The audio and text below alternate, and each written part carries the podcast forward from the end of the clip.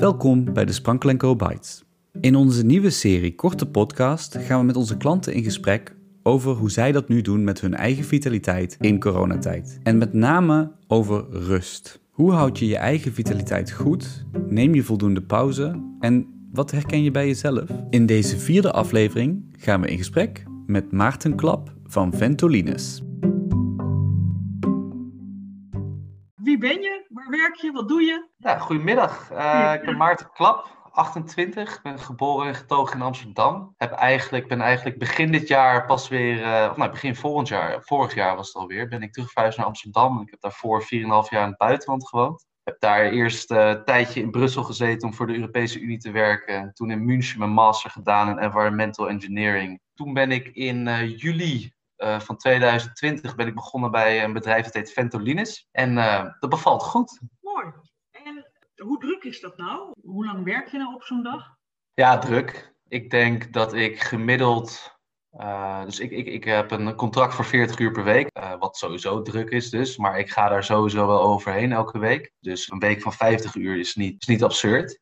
En dat komt vooral omdat er gewoon best wel vaak evenementen zijn die s'avonds worden uh, georganiseerd. Dus bijvoorbeeld het bijwonen van een gemeenteraad. die, die daar een meeting over duurzame energie heeft. Ja, en daar moet je dan bij zitten, omdat er gewoon belangrijke dingen worden verteld. En daardoor gebeurt het gewoon best wel vaak dat je tot best laat in de avond bezig bent. Tegelijkertijd is het bedrijf wel zo flexibel dat als jij dan op laten we zeggen, een dinsdagavond tot 11 uur bent, bezig bent geweest. En jij hebt op uh, woensdagochtend tot 11 uur heb jij geen meeting staan. Ja, dan kan je prima zeggen van joh, ik, ik kom om 11 uur pas aan, want ik ben gisteravond veel langer bezig geweest. Ja. Daar wordt totaal niet moeilijk over gedaan. Fijn, fijn. Dus dat voelt goed. Ja, dat is heel fijn. Ja, het is, het is gewoon hard werken. Maar ja, ik bedoel, er zijn momenten geweest dat ik af en toe denk van, oh ja, ik heb ook wel zin om even wat meer vrij te hebben. Maar uiteindelijk zijn we gewoon hele leuke dingen aan het doen en ook hele belangrijke dingen aan het doen. En, en ik sta ook volledig achter dus die energietransitie. Hè, en dat er gewoon zo snel mogelijk meer duurzame energie moet komen op een manier die nou, iedereen ondersteunt. En daardoor heb je ook al net die extra energie en die extra ja, inleving dat je gewoon uh, er, er wat, wat, uh, wat meer uren in wil stoppen. Klinkt als behoorlijk bevlogen aan het werk. Ja, en ik moet, ook, ik moet ook eerlijk zeggen, het is misschien raar om een vraag te stellen in de podcast. Misschien moet ik dat ook wel totaal niet doen. Ik knip jullie dit eruit. Maar het, het lijkt mij heel ingewikkeld om een baan te hebben waar je niet bevlogen in bent. Dan, dan is 40 uur opeens, dat voelt als, als, als 120, kan ik me voorstellen. En nu heb ik best vaak dat een dag gewoon voorbij vliegt. Ja, dat is mooi. En wat was dan de vraag? Nou ja, hebben jullie wel eens gesprekken gehad met mensen die dan, of bijvoorbeeld in deze podcast, die een baan hebben en die dat niet leuk vinden? En hoe staan die dan in de dag?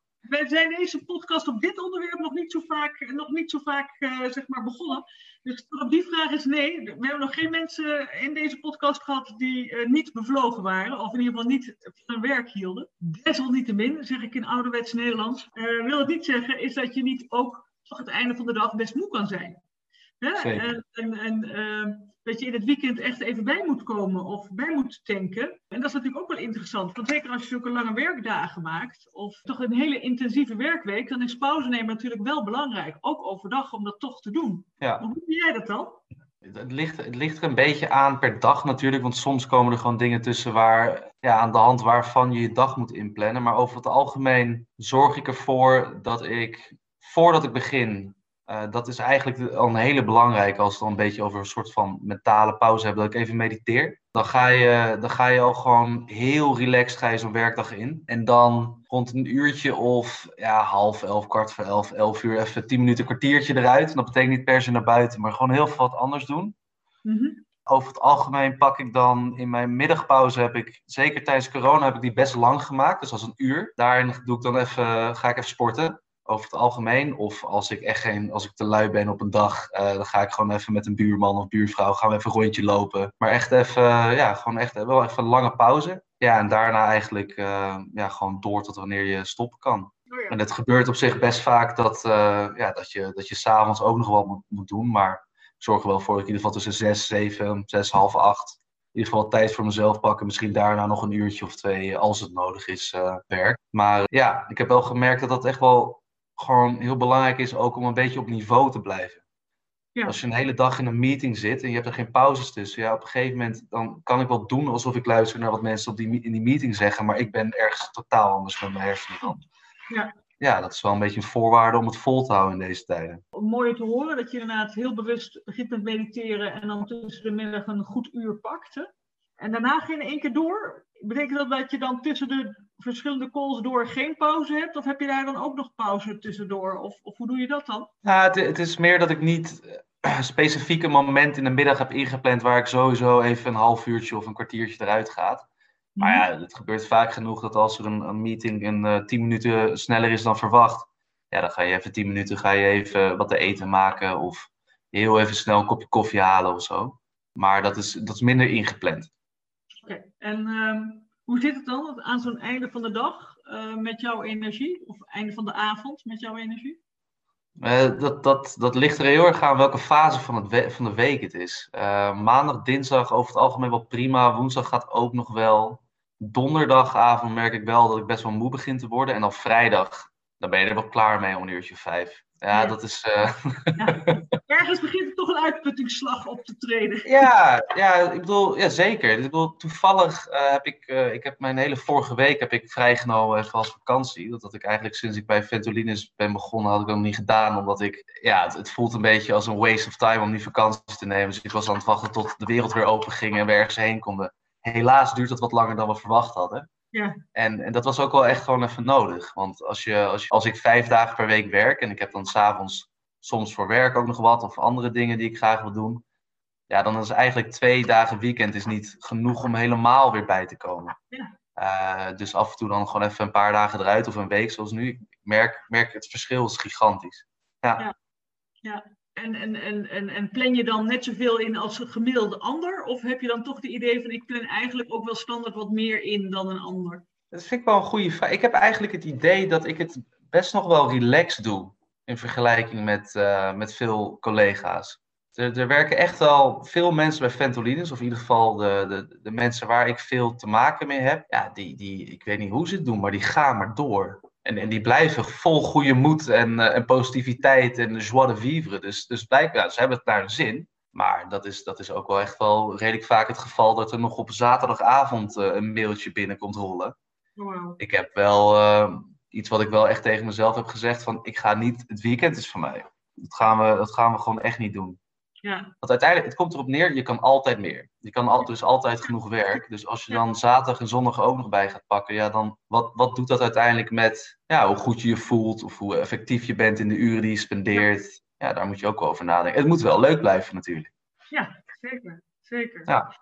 En uh, is er dan een soort norm bij jullie? Of heb je een bepaalde normgevoel waarvan je denkt, nou, dit, dit is ook echt goed genoeg? Nee, dat, dat, dat heb ik niet. Maar ik moet ook eerlijk zeggen, ik ben, ik ben heel erg ongevoelig voor peer pressure. Dus, dus het zou kunnen dat die norm er wel is, maar dat ik hem gewoon niet voel.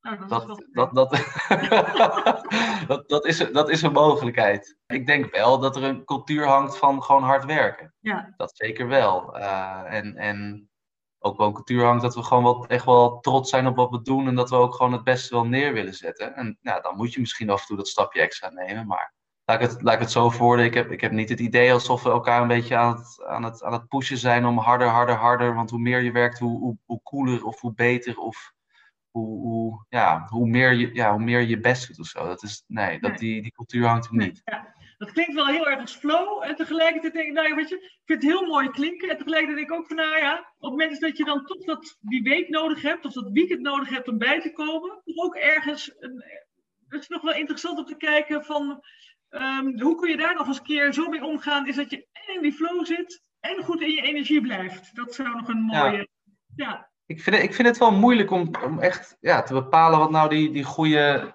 ja, hoe zeg je dat? Een work-life balance is.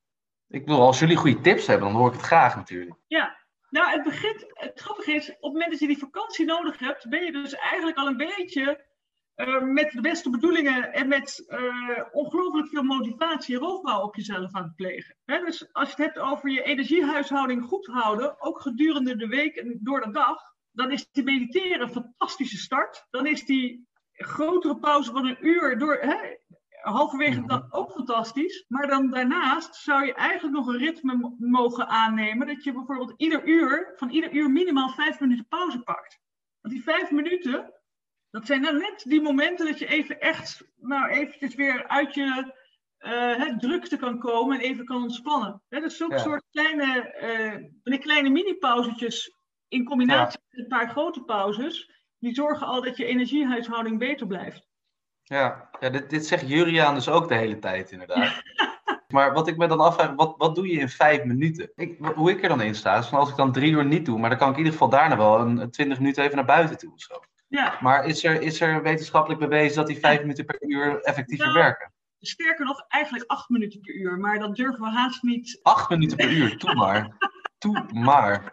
Nou, er is inderdaad onderzoek naar gedaan. En als je ook kijkt naar de schoolklassen, schooluren waren ook vaak 50 minuten. En dat was niet op niks gebaseerd. Dat was echt gebaseerd op eigenlijk de concentratieboog die wij kunnen hebben. Ja. En uh, daarna zakt die gewoon in. Precies, als je me heel precies wil hebben, het schijnt hetzelfde te zijn dat we iedere 8, 9 minuten even afdwalen. En dan, dan, hè, zet je weer op scherp.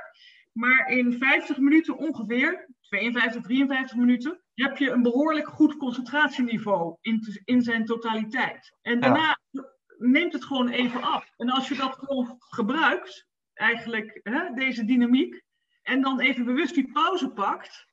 En dat mhm. kan inderdaad zijn een kopje koffie pakken, even, uh, nou weet je wel, een sanitaire stop, even je hond aaien of je kat aaien, of inderdaad een babbeltje maken met je buurman, je buurvrouw, weet ik veel. Ja. Dat jou ontspant en de ander ontspant het om uh, even naar muziek te luisteren of niks te doen. Mm Echt even in ontspanning te komen. Dan heb je daarna weer, letterlijk ben je weer even opgeladen voor een goede concentratie uh, voor de komende 50 minuten. En op het moment dat je dus bewust even iets doet wat jou ontspant, helpt dat bij je energiehuishouding. Nou, dat was het Maarten. Dankjewel.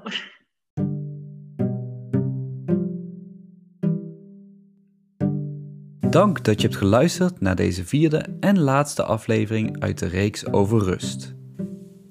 In de volgende bites gaan we in gesprek met Masha Struik, onlangs uitgeroepen tot meest positieve onbekende Nederlander door Ali voor haar prachtige werk in de jeugdzorg. Schrijf je nu in voor onze nieuwsbrief en dan houden wij je op de hoogte over deze aflevering en alle volgende afleveringen. Tot snel!